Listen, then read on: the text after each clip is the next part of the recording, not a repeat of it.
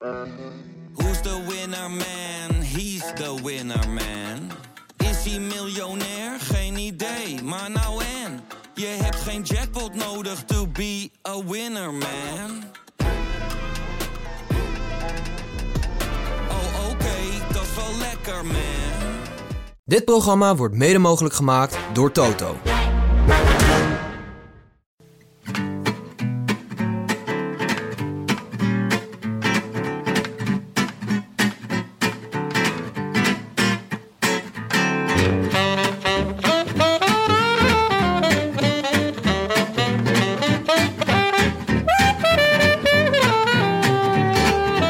Zondag 9 juli 2017. Een prachtige zomerdag en etappe 9 uit de Tour de France. Een dramatische koninginnenrit. Live vanaf ons dakterras in Amsterdam-West is dit De Rode Lantaarn. De wielerpodcast van Het is Koers.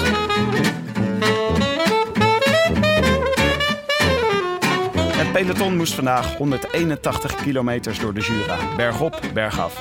Er werd drama voorspeld, vooral vanwege het onweer in de laatste afdaling. Dat viel mee. Het werd geen gladde afdaling, maar drama kwam er toch. Robert Geesink viel uit. Jaron Thomas viel uit. Richie Port werd per ambulance afgevoerd. Het werd een sprint tussen de overgebleven favorieten, waarvan er eentje reed met een kapotte versnellingsbak.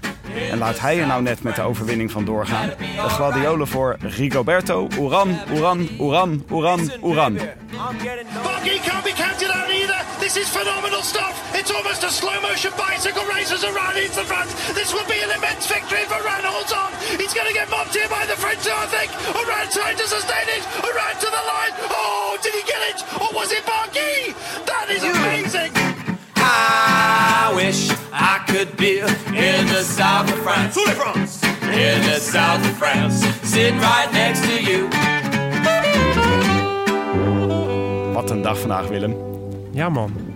Echt, eh, ik ben kapot. Dat was eh, nog geen eh, drie uur geleden, denk ik. Zaten we op het terras van Bert Wagendorp in Culemborg te keuvelen over de koers. Het was nog vredig. Het was nog vredig. Nou ja, op Geesink na dan, maar daar komen we zo op terug. En toen zijn we teruggeraced over de A2 met langs de lijn aan. Zo nu en dan een tourflits. Ja. Tourflits. En, eh, en, eh, en eh, toen hebben we de laatste, de laatste klim plus afdaling hebben we bij mij thuis gekeken. Jij was erg tevreden hè, met de rit naar Culemborg. Vooral toen we het dorpje Parijs tegenkwamen. We zeggen iedere keer Parijs is nog ver, maar dat is gewoon helemaal niet waar. Op 48 kilometer van Amsterdam ligt Culemborg Parijs. Je ma- deed nog het raampje voor mij open, zodat ik er een foto van kon We maken. hebben een foto gemaakt. Ga je die nog twitteren? Of het- hoe zit het? Voor het sociale media moment. Zeker. Culemborg Parijs. Helemaal niet ver. Het was wel Dat leuk. zou echt een supergoeie city slogan zijn. Culemborg, Parijs. Helemaal niet ver. maar eh, Het was wel een feestje hoor, vond ik. Om eh, in de auto te zitten en Radio Tour aan te hebben. En heerlijk hè? je, je kan zo met die Ziggo-app, kan je dus op je telefoon kan je gewoon naar de etappe kijken. Ja, ik was aan het sturen Tim, dus dat kon ik niet doen. Ik kon, moest het van de radio hebben van jouw eh, hysterische geschreeuw zo nu en dan. Ja, waarin ik de hele tijd eh, de koplopers door elkaar haalde. Zei ik, Willem, Galopin moet eraf. Oh nee, het is Bakeland. En wie, wie rijdt er ook alweer bij Bahrein Merida? Ja. Wie is ook weer de kopman van Bahrein? Nee, van de Emiraten. Oh ja, van de Emiraten. UAE-ploeg. Ja. ja, het was wel... Weet je het eh, nu? we hebben wel, ja, ik vind het wel een hele Was fijne manier. zei Willem. Mijntjes was het, ja. Ik vind het wel een hele fijne manier om, eh om, eh om Tour te luisteren, toch? Radio Tour heeft wel echt de sfeer die je wil. Vind je niet? Ja. Ja, het is eigenlijk... Het is wel- Die raar, Gio Lippis is gewoon echt wel goed. raar dat je het niet kan kopiëren hè, voor tv. Want je kan natuurlijk zeggen, ze hebben iets meer... Ze, ze moeten dingen beschrijven. Ja. Maar ik zou zeggen dat de commentatoren misschien toch ook gewoon moeten beschrijven wat ze zien. Zodat het voor de mensen die niet precies weten waar ze naar zitten te kijken... Ja. dat dat gewoon duidelijker wordt. En dan kan je het gewoon ook meer die sfeer van Radio Tour krijgen. Is zo. Dus Maar mis- goed. misschien moet Gio Lippens eens naar de tv. Ja. Nou, bij deze. Goede suggestie. Ja. Ik zie dat jij eh, mijn natje hebt, eh, hebt gepakt. Wat hebben we? Verse bessensap uit de achtertuin in Breda. Van mijn schoonouders. Ja, Super lekker. ja een soort limonade. En alcoholvrij is ook wel eens goed. Je zei al dat je een lichte kater had. Ja, maar zeker voor deze etappe. We moesten even scherp zijn, Willem. Ja. Dus het is goed dat we geen eh, alcohol bij ons hebben. Want we hebben ontzettend veel te bespreken. Het is nog net geen rode bietensap, maar rode bessensap is ook, is ook gezond. Ja, we hebben enorm veel te bespreken. Dus ik denk dat deze rode lantaarn ongeveer duizend uur gaat duren. Ga er maar voor klaar zitten, want we gaan elk detail onder het vergrootglas leggen. Proost, Willem. Proost Tim. Laten we beginnen met, eh, met ja, wat, wat voor koers was het vandaag? We reden vandaag van Nantua naar Chambéry. Door de Jura, zoals jij al zei. En ehm, ja, het belangrijkste drie klimmen van haute categorie. Dus dat zijn, de, zijn echt de zwaarste klimmen. Waaronder de Colombier, een, eh, een, vermaarde, een vermaarde berg. Eh, ehm, en eh, die niet, de, kinder- koninginnenrit opvallend, is dat hij niet eindigde bovenop een berg, maar zelfs niet eens in de afdaling, maar gewoon op het vlakke. Dus het laatste, ik geloof 15 of 20 kilometer, was, eh, was min of meer vlak. Ja. En ehm, dat, dat beïnvloedde de koers ook behoorlijk, zoals we daar straks, zoals straks zullen zien. Ja, dat is volgens mij de, waarom de ehm, etappe zo loopt. Waarom de tourorganisatie dit zo wil. Is omdat het, eh, de favorieten, als je dan berg, een finish bergop hebt... dan wachten ze Mhm. helemaal tot de laatste beklimming. En nu hopen ze, ja, als je dan drie eh, buitencategorie beklimmingen hebt... eh, die- waar niet de finish bovenop ligt... dan hopen ze dat het spektakel al op die beklimmingen losbarst. Ja. Nou, dat hebben ze wel goed voor elkaar gekregen. Zoals Ja, ook, behalve dan dat dat laatste stuk wel weer heel veel... dat, dat, dat je daar wel heel veel in kunt herstellen nog. ja, Van wat je verliest bovenop de berg. Het is ook niet gunstig voor de klimmers die dan nog vlak moeten rijden. En die zijn er vaak niet zo goed in. Nee. En Wij wat ook leuk was, is ja? dat die Grand Colombier, die kan je dus van een heleboel kanten oprijden. En nu was het wel echt van de moeilijkste kant reden ze naar boven. De stijlste, het Ja. stijlste stuk. Ja. Oké. Nou, dat was de etappe. Wij zaten eh, om, eh, om half één zat ik in de auto. En kwam jij aangefietst om, om naar Culemborg te rijden. En wat schetste onze verbazing nog voordat we de radio aan konden zetten... kregen we appjes en, en zagen we op Twitter het volgende bericht. Robert Geesink, ab abandon. Echt, eh, echt kloten. Hij was gevallen. Bergop ook nog. Ja. Het was een hele rare valpartij. Nou ja, het, was ook, het, was, het, het is altijd zo raar als er iemand valt en dan gelijk abandon. Denk je, meestal denk je van ja, zo aan het begin van de rit. Ja. Stap dan nog gewoon een keer op je fiets. Eh, zo erg kan het toch niet zijn? Nee. Maar ja, zo erg was het Rij- dus wel. Rijd er even af, die gebroken ruggenwervel. Jos van Emden die vertelde na afloop eh, dat hij erachter reed. Ja. Dus het was dus nog voordat de vijfde kilometer van de etappe bereikt was. En die zei eh, dat... Echt zo snel al? Ja. Die zei dat, Geesink, eh, dat er iemand voor Geesink in de berm reed. Ja. En dat Geesink daar overheen viel. Oké. Ja, het was wel een, een valpartij die nog een ander slachtoffer eiste. Mori. Die we in de herhaling beelden. We zagen Geesink weer snel staan en aan zijn rug voelen. En. Mori lag echt als een soort speenvark op de grond eh, te gillen. Dus eh, die had ook pijn. Maar zou, is het dan dat ze... Het was misschien wel zo'n etappe waar iedereen furieus van start ging. Omdat je allemaal bij de ontsnapping wil zitten. Ja, allemaal voorin wil zitten natuurlijk. Geesink misschien ook. Ja, nee, die zijn, nee. het was niet, achter, waarschijnlijk- achteraan het peloton volgens mij. Ja. Ja, het is sneu voor Geesink. Dat is eigenlijk alles wat ik erover wilde zeggen. Ja. Toch? Maar ehm, eh, ver- vervolgens, eh eh, ja, Geesink Abandon, super jammer. Maar gelukkig zagen we nog wel wat andere Nederlanders. Eh, kopgroep van 38 man ontstond er redelijk snel. Ja, weer allemaal hele goeie. Hè? Het was weer een hele goede kopgroep. Ja.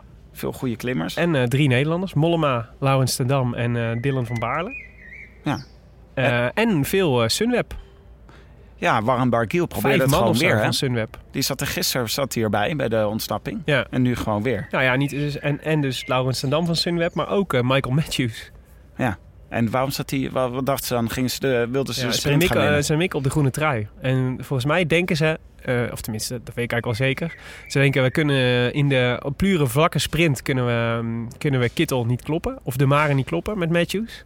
Maar als we nou alle tussenliggende sprints, zeg maar, in dit soort etappes... waar Kittel en ehm, eh, de Mare eh, er al vlug, vlug afvliegen... als we die nou allemaal oprapen... dan kunnen we als, als het goed is een beetje een voorraadje opbouwen van punten... waardoor we de kans maken op de groene trui. Ik vind het niet een raar gedachte hoor. Ja. Het is eh, wel leuk ineens, hè? Groene trui, eigenlijk. Nu Sagan weg is. Ja, Ja. het is toch een geluk bij een ongeluk. Ja, ja. Dus Matthews en Kittel die strijden daar eigenlijk om, toch? Ja, we weten nog niet. De Mare ook natuurlijk nog. Maar we weten niet of de- we- op het tijdstip dat we dit opnemen is eh 6 over 6. is hij misschien de- net gefinished? of, of net nog Hij is aan de laatste beklimming begonnen. Laten we het zo zeggen. Als hij nu nog niet gefinished is, dan eh, is hij echt kansloos. Ja. Maar eh, hij, zag al vrij snel vrij slecht uit voor de Mare. Hij is ziek, hè? Hij heeft aan zijn maag. Eh, ja, en eh, gisteren was hij ook al, had hij ook al veel tijd verloren. Dus ik vrees het ergste eigenlijk vandaag. Maar goed, mooie kopgroep. Daar hoeven we verder niet heel erg bij stil te staan. Behalve dan dat het interessant is om Bargiel daar in de gaten te houden. Want die zou later in de etappe de, als enige echt nog een grote rol gaan spelen. Ja. Maar misschien moeten we toch Mollema ook eventjes eh, eruit lichten. Ja, dat was eigenlijk wel onverwacht wat hij vandaag deed. Want, eh, ja. ja, want hij eh, zei, eh, zei twee dagen geleden zei hij nog... God, dit was de eerste berg die ik in weken zie. En eh, hij eh, kwam echt daar de Tour als knecht van eh Contador. ja. En hij reed nu reed hij gewoon mee. En hij reed heel erg goed. Hij was gewoon... Ja, hij, hij, kon net niet, hij had net niet de macht vandaag om mee te gaan op de cruciale momenten met Barguil en Galopin. ja, dat is jammer hè. Maar ik vond hem wel, eh, hij, nou ja, gewoon ontzettend lange ontsnapping gedaan vandaag. En Ja. klom goed. Ja, en het interessante is, eh, een klein voorschotje op, eh, op eh, wat hierna gaat komen. Maar Contador verloren heel veel tijd vandaag. Ja. En dat zou wel eens echt een, een, iets van goud kunnen zijn voor Mollema. Want die hoeft nu, het is nu veel minder belangrijk om te knechten. Zou die nou, dat, dit zou toch wel echt wrang zijn hè? Als Mollema nu een etappe gaat, pak, etappezege gaat pakken deze Tour. Omdat ze Kopman het niet goed doet. ja, En dus eigenlijk de tactiek van Geesing kopieert en het wel lukt. ja, dat zou, ja, Frank, ook wel heel leuk. Ja. nou ja, zoals hij vandaag reed. Ik denk dat Mollema misschien ook al beter wordt deze Tour. Ja. Omdat hij Ja, die dus- rustig, relatief rustig van start is gegaan. Ja, en er niet zoveel druk op zit. Hij kan gewoon, eh, hij kan ook een dagje uitbollen als hij wil. hè. Maakt geen donder uit. Ja. En wij werden ook... eh, we kregen nu... eh, we werden opgeschud door Jaron Thomas. Die ook eigenlijk buiten beeld Ja. onderuit ging. Ja, eigenlijk de tweede grote naam. Hè. Het is wel echt de tour van de grote namen die uitvallen. Hè. Er zijn nu weinig knechten die, eh, die echt die, eh, vallen of op hun bek gaan of weet ik veel wat. Hè. Tot nu toe allemaal grote jongens die, die uit de tour zijn. Elke keer als je dan, dan, zie je, dan hoor je zo dat er een gerucht is dat er een valpartij is geweest. Ja. Dan zie je even later de beelden. En dan zie je de ploegen die erbij staan. En dan denk je altijd, het zal toch niet? Ja. Maar dan zal het wel. Dan zijn het de grote namen. Ja. Thomas dus. En ja, die lag, we zagen een beeld dat hij in een klassieke houding lag voor een wielrenner met zijn hand op zijn schouder. Wat doorgaans toch betekent dat je je sleutelbeen hebt gebroken. Ik heb Ja. niet gezien wat hij, eh, wat hij uiteindelijk had, maar zoiets zal het zijn. Lance, eh, Lance Armstrong zei in zijn podcast afgelopen week... dat je toch wel een vrij zielige wielercarrière hebt gehad... als je niet een keer je sleutelbeen hebt gebroken. Zou er, een, zou er een renner in het peloton rondrijden die nog nooit zijn sleutelbeen heeft gebroken? Laten we dat, laten we dat de kijkersvraag maken. De Ja. luisteraars. Dylan van Baarle Noem ons een renner die nog, niet, nog nooit zijn sleutelbeen heeft gebroken. en die wel in het peloton, peloton rondrijdt. We gaan hem beschimpen morgen in de podcast. ja, dan gaan we hem tippen aan Lance. Het Lance Armstrong. maar wat, wat was er met die valpartijen vandaag? Waarom vallen renners ineens bergop? Ja, nou, je, je zei het net een beetje toch? Gewoon nerveus, want het is de koninginnenrit. Mensen, willen, mensen zijn nog relatief fris. Willen denk ik voorop zitten. Eh, smalle wegen. Ehm, af en toe, eh, weet je wel, dan, dan versmalt het ineens... waardoor het achterin juist bijna stil komt te staan. Ja. Eh, je haakt in elkaar stuur, je valt. Je bent misschien niet helemaal scherp nog, want het is wel al enige vermoeidheid. Ja, zoiets denk ik. Ja, misschien ook omdat je gewoon echt ongeconcentreerd bent. Want het is ook zo raar dat als je bergop gaat en het gaat voor de Tour helemaal niet zo hard... Ja. dat je dan ineens een cruciale blessure oploopt. Net als Dumoulin, die had dat vorig jaar ook. Ja, je, ja, je kunt natuurlijk gewoon... Ja, precies. Je kunt natuurlijk gewoon navallen. Ja, ik, vind, ik roep al jaren dat die jongens... Dat je, als je wielrenner bent, dat je eigenlijk ook judo-valtraining moet gaan volgen. Ja, Want dat is volgens mij heel veel van die sleutelbeenbreuken ontstaan. En dan ga ik, eh, volgens mij ontstaan die doordat ze met hun handen naar voren gaan. Als soort van reflex om, eh, om eh, de val te breken. ja, En daarmee breek je je botten. Dus wat je al bij judo leert, is dat je moet doorrollen. ja. Dus ik snap niet zo goed. Ik snap niet zo goed. Als ik ploegleider was, zou ik mijn, zou ik mijn jongens echt in, de voor, in het voorseizoen valtraining van een of Ja. andere judo-leraar Ja, geven. gewoon een dagje is misschien al genoeg. Ja. Zou je je zou- moeten we morgen eens aan Van Baarle vragen of dat hij, of dat hij daar wel eens over na heeft gedacht om dat soort dingen te doen. Ja, het is wel een goeie, want ik dacht ook dat... We, we hadden het hier dus over met eh, Tom Dumoulin vorig jaar. Die op zo'n raar moment even niet op zat te letten... En tegen iemand aanfietste en toen heel ongelukkig viel. Toen hebben we het dus ook over judo-training gehad. Ja. Maar vandaag zag je ook dat Contador, die viel ook in het, vrij in het begin van, eh, van de etappe. Zo rond twee uur, half drie of zo viel die. Ja. En eh, die viel op een relatief goede manier. Dus die had eigenlijk alleen zijn elleboog had hij Ja, een schaafwond. Ja. Maar ja, elleboog is dan... Eigenlijk moet je tegenslag geven, toch? Je moet toch eigenlijk dan slaan ook, of zo? Nou, je de moet echt, je moet, het gaat vooral om dat je doorrolt. Dus dat je als soort, dat is heel, dat is, spectaculair rollen. Je moet als Veuclair vallen eigenlijk. ja, goed, eh, precies. Je moet een soort showval moet je maken. goed te vallen. En dan, dan, zeg maar, dan verplaats je de energie van dat alles op je ene arm komt. Naar dat je het met je hele lijf. Het is een beetje zoals een kat ook. Eh, Ja. Zoals een kat ook doet. Weet je wel? Dat je altijd soort jezelf breed maakt, zodat je de energie die eh, vrijkomt op het moment dat je neerkomt, dat die over je hele lijf verdeeld wordt in plaats van op één plek concentreert. Ja. Makkelijk gezegd, hè? Zeker als je 70 km per uur rijdt, dan lijkt me best wel. Maar juist dan is het, gaat het dus om een reflex. Ja, god, we krijgen vandaag wel de valpartijen om onze oren. Het is wel dat je... De, deze tour is wel weer een beetje... Soms heb je eens in de zoveel jaar heb je een tour waar alle favorieten echt hard ten val komen. Waarin er ontzettend veel gebeurt. Ja. Dit is er weer zo een. Ja, ja, ja, het is vooral de kring zeg maar, van smaakmakers die een beetje die zwaar getroffen wordt deze, deze tour. Zou het ook komen, ik heb daar ook een theorie over. Zou het ook komen omdat, ze, omdat Froome zo goed is dat ze allemaal te veel risico nemen om uit te dagen? Dat ze gewoon eh, de hele tijd, eh, ja, dat, dat ze de hele tijd vol aan, aanstaan. En daardoor gewoon ongeconcentreerd zijn op cruciale momenten. En dat Froome, wij denken, zeggen de hele tijd Froome is niet goed. Maar misschien is hij wel de hele tijd geconcentreerd. En overkomt het hem daarom niet. Het zou kunnen. Hij had wel één eh, slippertje toch vandaag ook weer. Ja, Dat hij weer even, even eh, een bermpje meepakte. ja. En, eh, en het moment met ja, het mechanisch mis- pech ook. Maar misschien is hij dan dus juist geconcentreerd. Omdat hij dan de berm inrijdt. Maar hem niets overkomt. Dat hij geconcentreerd genoeg is om op tijd Ja, te remmen. Ja. Want dat kan je altijd gebeuren natuurlijk. Dat je, je rijdt zo kort achter iemand dat je niet goed ziet waar die bochten komen. Dat is waar. Hij had op een gegeven moment een mechanisch probleem. Hij stak zijn hand op. En ehm, toen, eh, dat was het moment voor Aru, althans zo leek het, om te demareren. Ja. Jij zei meteen, dit doet hij niet expres. Hij heeft het niet gezien. Nee, dat gevoel... Dat Jij gevoel- praat alles goed wat Aru doet, hè? Je bedoelt omdat hij maar prono's. ja, maar ik heb, op zich heb ik een, een hekel aan Astana. Dus ik ben niet super pro Aru. Ik vind alles wat Astana doet verdacht. Mhm. Gewoon oliegeld, weet je wel. Gewoon de hele winter in een lap hangen. Ja. Dat is wat Astana doet volgens mij. Maar hier, het leek, het ging zo snel achter elkaar. Ik bedoel, eh Froome stak zijn hand op dat er, dat er iets aan zijn fiets mankeerde. En Aru reed gelijk weg. Ja. Dan moet je wel echt in een impuls beslissen dat dat gebeurt. Maar hij pakte ook niet echt door. Want hij reed weg en hij liet zich eigenlijk gelijk weer zakken. Maar dat zijn toch de demarages van Aru, zoals jij in de vorige Ja, dat al besproken. Op eh, die E-team wegrijden en dan eh, terugzakken. Ja, dat is waar. Nou, hij zei zelf dat hij het eh, niet gezien had, toch? Ja. Maar ja, En eh Froome reageerde eigenlijk... Hij reageerde natuurlijk weer ad rem, zoals hij altijd reageert. En was vrij snel weer terug in de groep. ja. En Hij was vervolgens... wel even in paniek. Zag je? ja, je zag hem schreeuwen, hè? En met armgebaren maken. ja. ja, je moet natuurlijk snel geholpen worden, dat snap ik wel. Nou ja, maar misschien is dat wat er nodig was om even zijn ploeg weer bij hem te krijgen. En toen een paar meter, eh, paar kilometer later, toen reed hij ineens in de bocht. Deed hij een soort sagannetje bij Ja. Aru. Ja. Per ongeluk, zei eh Froome. Ja, het, staat allemaal, het staat allemaal niet met elkaar in verband. Nee, zeggen, zeggen de renners. Die Ja. het allemaal natuurlijk het beste met hun eh, collega's voor hebben. Ja, ik denk er het mijne van. Nee, ik vond, eh, ik vond het een begrijpelijke, edoch, onsportieve actie van, Aru. eh, van Aru. Ja. Maar ja, ja, Quintana ging ook mee, hè? what else is new? Ja, dat. Quintana, die, ja, die, die, moest, eh, ja, die moest zoiets, hè? Die moest, eh, moest professioneel blijven natuurlijk. Het gaat wel lekker met de poeptheorie, toch? ja, de poeptheorie dat eh, Quintana het grootste slachtoffer is van Dumoulin. Het lijkt er vooralsnog nog steeds op. Van Dumoulin's poepen. Hoe zat hij ook weer? Dumoulin moest eh, poepen en... eh, Toen dacht Quintana, nu kan ik de Giro winnen. Moet ik de volgende week eh, voluit gaan. De derde week voluit gaan. Dan heb, ik een, dan heb ik een goede kans. Maar doordat hij de laatste derde week in de Giro voluit ging... maakte hij minder kans op de zege in de Tour. Was hij, is hij nu slechter. ja, ik vind je wel ontzettend trots op deze theorie. Ik ben ontzettend trots op de- deze theorie. Maar ja, je lijkt wel gelijk te krijgen. Ja. Quintana reed niet lekker hè, vandaag. Nou, ja, als, als in de hele Tour al niet, toch? Dit is een beetje zijn niveau momenteel. Dus hij komt tekort.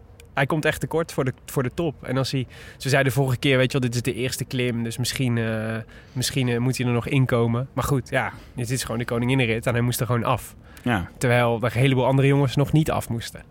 En, ehm, en als je, ja, dat is, dat is, gewoon, dat is, dat is gewoon slecht. Dus, in de, dus de, de, eh, kind, hij verloor, wat is het, een minuut uiteindelijk? Ja. Ja, maar vorige keer zeiden we de Froome Quintana was 0-2. Nou ja, dit, was, dit is 0-3. Zeg maar. Ja, ja, precies. Nou, we zagen nog wel voordat eh, de afdaling... Dus iedereen zag een beetje op tegen die laatste afdaling. Hè? Die Ja. gewoon smalle weg, weggetjes, gevaarlijk. Ja. Maar we zagen nog wel een paar flinke demarages daarvoor. Ja, Waaronder eentje van Froome zelf. ja. En eh, hij krijgt het toch niet voor elkaar om iedereen de berg op af te rijden. Zoals hij in het verleden wel deed. ja, als je iets over Froome moet zeggen, is dat hij... Hij doet nog niks, hè? Er, er gebeurt, hij, hij, hij gaat niet zelf echt in de aanval. Of er, er slaagt nog niet echt iets. Dus hij staat zeg maar bovenaan bij de gratie van de minste fouten maken. En het Ja. beste aan kunnen haken. Maar het is wel erg, eh, het is erg mager om een Tour mee te winnen. Het is Dus behouden wel- voor zijn doen. Ja, dus er moet wel ergens nog een moment komen dat hij verschil maakt. Ja, hij, gokt natuurlijk, hij zegt, denkt natuurlijk zelf de tijdrit die eraan komt. Die zal, daar zal hij ongetwijfeld verschil maken ten opzichte van zijn directe concurrenten. Zeker nu Poort eh Ah, uit is- ik, vind dat wel, ik vind het wel spannend om alleen daarop te gokken hoor. Je weet gewoon niet wat daar nog gaat gebeuren. hè? Maar het is toch, eh, ik denk toch dat hij, dat hij wel nog steeds een categorie op zich is. Dat zie je toch in zo'n etappe als vandaag. Is gewoon ook voor een heel groot gedeelte zonder kleerscheuren doorkomen. Ja. En ik kan me ook voorstellen dat op het moment dat hij demareerde en niet gelijk iedereen eraf reed, Ja. dat hij het ook niet echt meer probeerde. Omdat hij ook wel zag dat hij in de afdaling mensen bij zich moest hebben. Even terug naar, eh, naar de chronologie van de koers. Dus hebben de, we zitten, de laatste berg was dus de Mont du Chat. Daar zat eh Barguil, die, eh, die als, eerste, als enige als eerste boven kwam. Ik geloof een half minuut had nog op, eh, op eh, het groep, een groepje met, eh met Porte, eh, Froome, Bardet. Wie zat er nog meer bij? Aru. Fuglsang, Aru. Ja. Volgens mij is dat het En eh Rigoberto en Uran, Rigoberto. Uran, Uran, Uran. Precies. en ehm en ging, daar ging de afdaling in. En in de afdaling ging het eigenlijk vrij snel. Geweldig, grandioos, ongelooflijk, angstaanjagend mis. Oh, die valpartij van Poort. Ja, Jezus, wat een naar gezicht was dat zeg. 70 km per uur, Ja. zei jij? Hij En- ging 70, ja, meer dan 70 km per uur ging hij. En hij ging volgens mij te scherp langs de, langs, door de ene bocht, langs de bergwand, waardoor hij slecht uitkwam bij de andere. En als het ware door de greppel reed, eh, die, die soort rul, bos, bossig eh, zand was. Eh, ze de controle over zijn fiets kwijtraakte en, eh, en ehm, eh, eh, ook Daniel Martin onderuit veegde. Ja. Die ah, met z'n tweeën echt snoeihard de bergwand in, eh, in eh, gingen. Ja, de valpartij viel nog mee, vond ik. Zeg maar de, de valpartij door zijn fiets, waar, waarmee hij met zijn fiets in de berm belandde. Ja, Maar de manier waarop hij tegen de bergwand aankwam, ja. die was wel echt, dat zag er echt zo Ja, vreselijk Het uit. deed mij denken aan eh, een valpartij bij het schaatsen in de binnenbocht. Dus als iemand in de binnenbocht valt en, eh, en eh, glijdt en eh, glijdt de ander onderuit en samen belanden ze in de boarding. Met dat verschil dat de boarding bij het schaatsen een soort luchtkussen is. En hier was het gewoon een rotswand.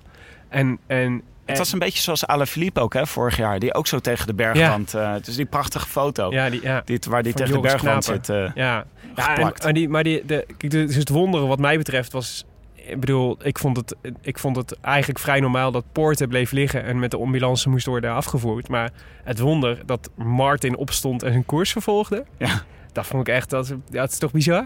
Het was, er waren drie slachtoffers eigenlijk hè, van deze valpartij. Ja, Want we zagen de het niet meteen, was ja. echt gelijk... eh, die lag er gelijk uit. En Ja. Dan Martin was, eh, die werd onderuit geveegd. Maar het schijnt dus dat de fiets van Dan Martin raakte ook. Oeran, Ja. die voor hem reed. En daarmee raakte hij de versnellingsbak van Oeran. Ja, ja precies. Dus hij, had, eh, en, dus hij kon achter niet meer schakelen, dus alleen nog voor. Mhm. Eh, en dan kun je dus of heel zwaar schakelen of heel licht. was wel mooi bij hem. Ik Ja. vind, hij lijkt zo op Tom Waits, Oeran. hij is een Tom Waits hoofd. En dat vind ik het drama alleen maar vergroten. En je gu- gunt het hem daarom ook wel. Dat je denkt, ja, hij heeft zoveel de omstandigheden zo tegen vandaag. ja, Maar die- nog heel even over de valpartij. ja. Want krijg je ook niet de indruk dat het gewoon... dat ze, ze reden daar vrij dicht op elkaar. En ze Ja. reden 70. Ik kan me voorstellen dat je het gewoon, de greppel gewoon niet ziet. Dat ik hem gewoon te laat ziet om buiten te kunnen sturen. Ja. Het was best wel een flauwe bocht. Ja, dat zou, ja, het zou best wel kunnen. Want het is ook... Ja, nee, dat zou, dat zou een verklaring zijn. We moeten, moeten het Ritje eens vragen. Wel erg eh, voor, eh, voor Poort. Want het is dus Ja, echt wel... We valt weer. elke keer... Elke keer saboteert hij zichzelf eigenlijk in de Tour. Ja, ja. Ja, dat is waar. Ja, de- iedereen zegt het altijd, toch? Dus het is de Poort, Poort, Richie Poort en de Tour, het is gewoon geen gelukkig huwelijk. Ja. En als hij hem... Ja, hij was gewoon eh, volgens mij tot dusver hartstikke goed. Eh, in ieder geval weinig tekenen van zwakte. De proloog zou je kunnen zeggen dat hij daar een klein, eh, klein beukje kreeg van, van Froome. Maar verder kon hij redelijk makkelijk volgen. En ehm, ja, ja het, is, het is sneu dat het gewoon weer niet lukt. Maar ja, op je fiets zitten hoort er ook bij. Pet van Willem dat, Dudok, hè? dat weten we. Want toen, toen, het, het verbaasde ons, omdat eh, wij zaten eigenlijk nog te kijken naar Poort. Ja, Die op de grond lag en gestabiliseerd werd en zo. Echt op zo'n hele nare manier. Dat, dat de weg dan wordt afgezet en zo. ja. En toen bereikte ons het nieuws dat Dan Martin was doorgefietst en weer was gevallen. Ja, Dus Ja. die is blijkbaar nog ergens een keer onderuit gegaan... waar weer geen beelden van zijn. Ja. Want toen was het echt te versplinterd voor alle motoren om erbij te blijven. Ja. Maar eh, die heeft, toen ik hem aan de finish zag... toen leek het alsof hem, alsof hem eigenlijk niet zo heel veel mankeerde. Ja. Ja, je weet het niet hoor. Weet je, het kan ook de adrenaline zijn hè, dat je er weer op je fiets springt zo snel mogelijk. Zo'n type lijkt Martin me ook wel. Ja. En dat je dan, als je straks eenmaal in je bed ligt, dat alles super opstijft en, eh, en overal schaafwonden blijken te zitten waar je, Dus- waar, je- nog niet wist dat je... Het is ook een beetje het uiterlijk hè, van Dan Martin. Dat je denkt, hé, hey, er is hem niks overkomen. Ja. Terwijl hij eigenlijk helemaal de rijdt, ligt. hij rijdt sowieso al krom getrokken. Dus eh, die twee centimeter extra die die schuin staat, die valt niet meer op. Ja, Maar toen had iedereen echt wel trillende beentjes hoor. Toen de rest van de afdaling Nou ja, door- dat, ja, eigenlijk zei ik dus toen we dat zagen, het Poorten eruit. Wij hebben natuurlijk telkens de hele tijd gezegd: ehm Poorten is de voornaamste uitdager van Froome. Dus ik zei meteen tegen jou op de bank: eh, Nou, dit is, eh, dit is eh, Froome, heeft, eh, Froome wint hier de tour. Want zijn voornaamste uitdager is eruit. Nou, wacht even. Maar toen wij de tourpoeltjes van ons doornamen aan het begin van de tour... toen had jij Port en ik had Aru. Ja, En toen zei ik, ja, Port saboteert zichzelf altijd. ja. daar heb je gelijk Dus, in. eh, ja, ik eh, nee, wil nee, toch even eh, deze valpartij... Nee, maar we hadden eh, allebei in nee, ieder geval ja, Poorten als, eh, als allebei ook als voornamelijke kansen hebben gezien. Als uitdager van Froome. Maar we hadden, we hadden toen, net toen ik dacht dat de Tour misschien hierdoor op slot kwam te zitten... kwam Bardet in één keer met een, eh, met een ontsnapping. Dat is toch de- ook ongelooflijk, hè? Eigenlijk, Bardet, die reed dus achter... ehm, Ja. Poort en eh, eh, Martin. En die zag dat voor hem gebeuren. Ja. En blijkbaar denk je dan nog steeds... Ja. ik ga het proberen in de je- afdaling. Weet je wat? Ik, ik ga hem nog even klapje bovenop leggen. Ja, Ja.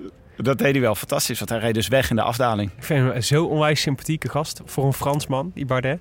Ja, heb je hem ooit, heb je hem ooit iets horen zeggen? Nee, maar zo, gewoon zoals hij fietst. Ja. Mooi en, en aanvallend. En eh, ik vind het heel tof. Vorig jaar En, eh, tweede, toch? Was hij Eh, vorig ja, jaar ja, tweede ja, in de vorig Tour? jaar tweede, zeker. Dus hij, kan, nou, hij, hij, is, hij is gewoon een kanshebber. En, ehm, en het leek er even op dat hij gewoon... hij kwam boven met 30 seconden voorsprong. Dan had hij volgens mij zo'n Beneden beetje... kwam hij met 30 seconden voorsprong, toch? Nee, boven. En beneden had hij nog, denk ik, nog 20 over of zo. Nog 20 over, denk ik, zoiets. Maar hij had dus, eh, hij was, eh, eh, ze stond, hij stond in de top 10. Dus hij had gewoon met een beetje meer mazzel en samenwerking, had hij gewoon eh, het geel nog zelfs kunnen pakken. We dachten even, misschien gaat, misschien gaat het hem wel lukken om Froome te onttronen vandaag. Bardet bedoel je, Ja, toch? ja. Maar eh, toen, wij, toen hij eh, onderaan de afdaling met een voorsprong de afdaling van de berg uitkwam, Ja. toen dachten wij, ja, als hij dan Bargiel bijhaalt, die Ja. toen nog voorop lag, Ja. dan kunnen misschien de kopmannen even met elkaar bellen. Ja. En dan eh, gewoon, gewoon een, eh, op een akkoordje sluiten. Weet je, Bargiel, ga jij maar even eh, fietsen voor Bardet, je Ja. landgenoot. ja, ik dacht dat dus de, dat de reden waarom Barguil wachtte op Bardet, dat het dat zou zijn. Maar Bardet die liet, hem nog geen, eh, liet hem nog geen 10 seconden in de buurt rijden. Die ging gelijk door. Ja, ik denk dat Barguil gewoon op was eigenlijk. En dat, en dat Bardet gewoon beter was en dacht, eh, ik, eh, ik, heb meer, ik heb niks aan jou, dus ik kan beter in mijn eentje gaan. Ja, maar dat vind ik toch een rare strategie van Bardet dan geweest. Want er kwam dus nog een heel stuk... Beneden aan de Ja. afdaling kwam er nog een stuk of... Ja, het zou 15 heel goed kunnen kilometer vlak. echt een tactisch fout is geweest. Ja, Ja, want hij is gewoon een heel mager klimmertje, ja, eh, Bardet. En die kon natuurlijk op dat vlak helemaal niet voorblijven. Toen, ja. zeg maar, Froome gewoon keihard ging fietsen. Dan, ja, en Vogelsang. Dus ze gingen echt met eh, de Astana en Aru ook volgens mij. Dus ze gingen gewoon kop over kop erachteraan. Die dachten natuurlijk ook, we kunnen hier ook nog de rit pakken als we willen. Maar Bakiel kon wel weer aanhaken in dat groepje. Begreep jij waarom eh, de concurrenten, waarom eh, Astana ging rijden voor Froome? Waarom zijn dus niet gewoon tegen Froome eh, knap Ja, op? reden voor Aru, denk ik. Dus twee, twee redenen. Eén, denk dat ze dachten, we kunnen hier de etappe winnen. Twee, wij hebben ook geen belang bij dat Bardet ehm, eh, tijd pakt. En drie, er rijdt Quintana en Contador, die rijden op achterstand. Dus die Ja. kunnen we gewoon, die kunnen we gewoon helemaal de vernielingen rijden vandaag. Dus eh, één of meerdere van die drie redenen, denk Ja, ik. Goede beslissing lijkt me dan. Ja, dus de, de, de, het, het tegenargument is, eh, je kunt zeggen, we gaan, eh we, moet het zelf doen. Dus we laten, we laten Froome eh, oproken en dan, maken, dan maken we hem kwetsbaar. Maar waar had je hem nog moeten aanvallen? Maar dit is altijd het probleem met zo'n dominante klassementsrenner in de Tour. Met zo'n dominante ploeg. Ja. Is dat zijn tegenstanders op een gegeven moment gewoon tevreden zijn. Aru die gaat natuurlijk super tevreden deze Tour de France verlaten als hij tweede wordt. Ja. En Bardet is ook tevreden met het podium. Ja. Dus dan gaan ze in, tegen elkaar fietsen in plaats van tegen Froome. Ja, dat is waar. En Froome hoeft in principe nog alleen maar te verdedigen vanaf nu. Ja, dat is waar. Ja, en, de, en, uh, en uh, het AG2 zeg en, um, En eh, Astana. Nou ja, Astana zou je kunnen zeggen is misschien de enige ploeg die... eh, met Vogelsang natuurlijk. Ja. Die ze nog eh, zouden kunnen, een beetje zouden kunnen uitspelen. Wat ze vandaag een beetje leken te doen. Maar Age de Zer heeft natuurlijk echt een... Echt een daar moet, eh, Bardet moet het echt in zijn eentje doen. ja.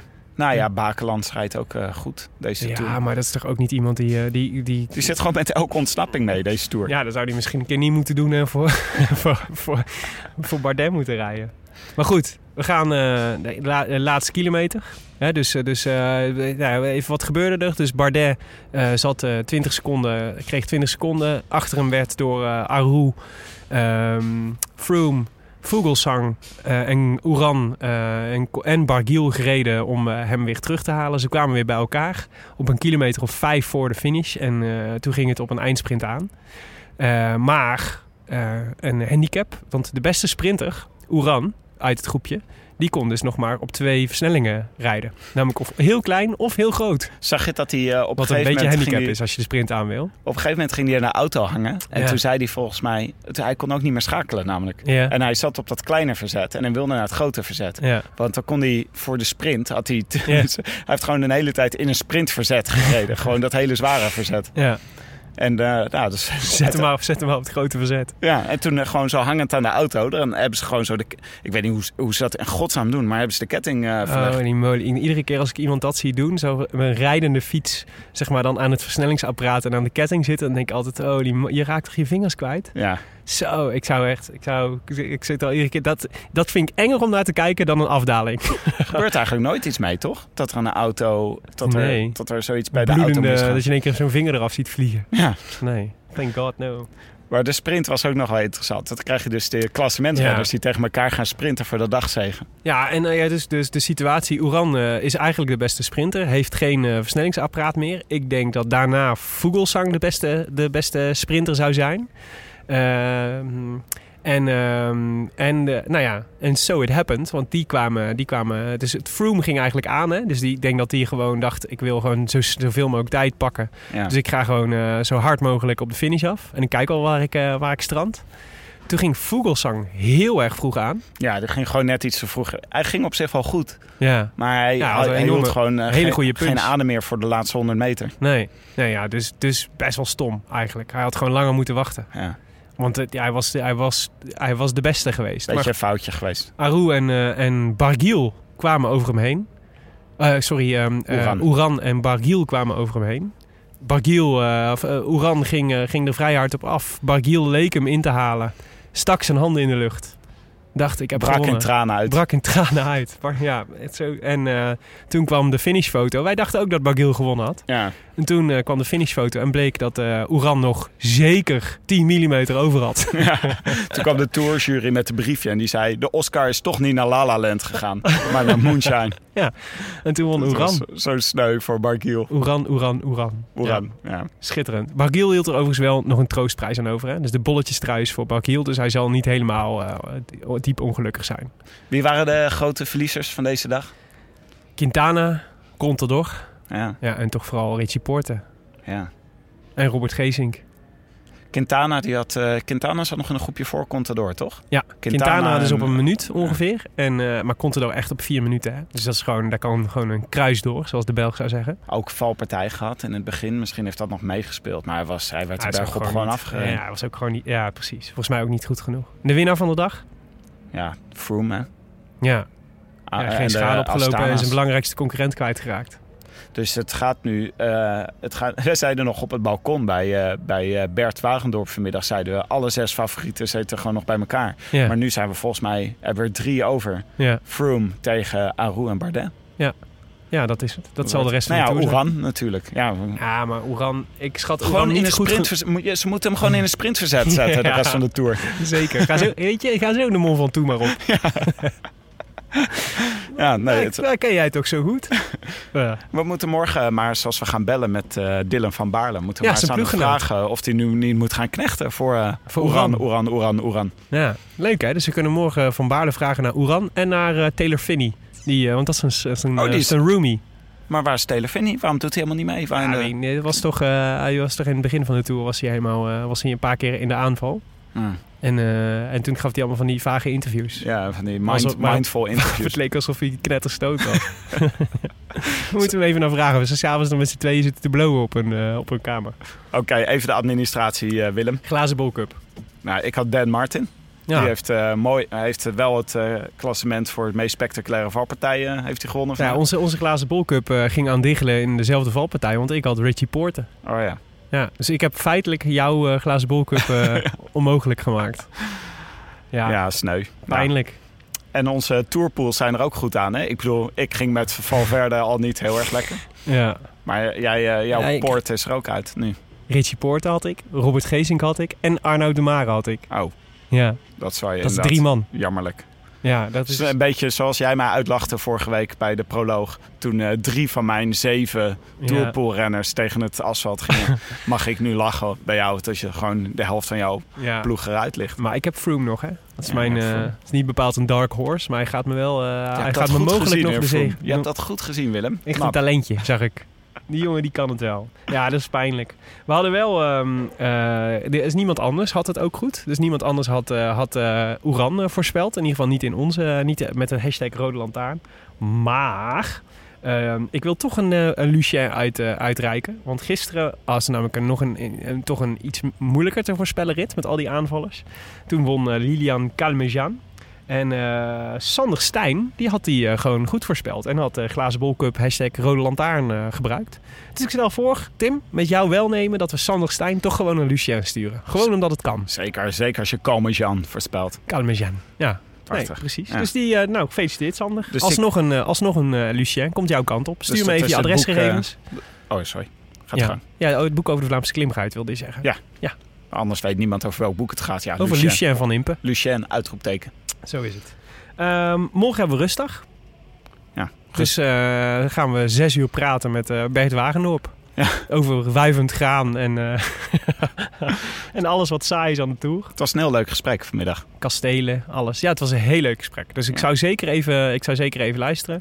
Ehm vanaf live vanuit zijn dakterras in, in Culemborg, waar ook nog een jaarmarkt gaande was. Dus op de achtergrond kun je Dreetje Hazes en eh, wie was er nog meer? Peter Beense. Ja, Kun je horen optreden. zoals je tijdens deze uitzending in de verte de reggaeton hoort die ergens uit een huis eh, klinkt. Ja, in Culemborg doen ze het met Peter Beens.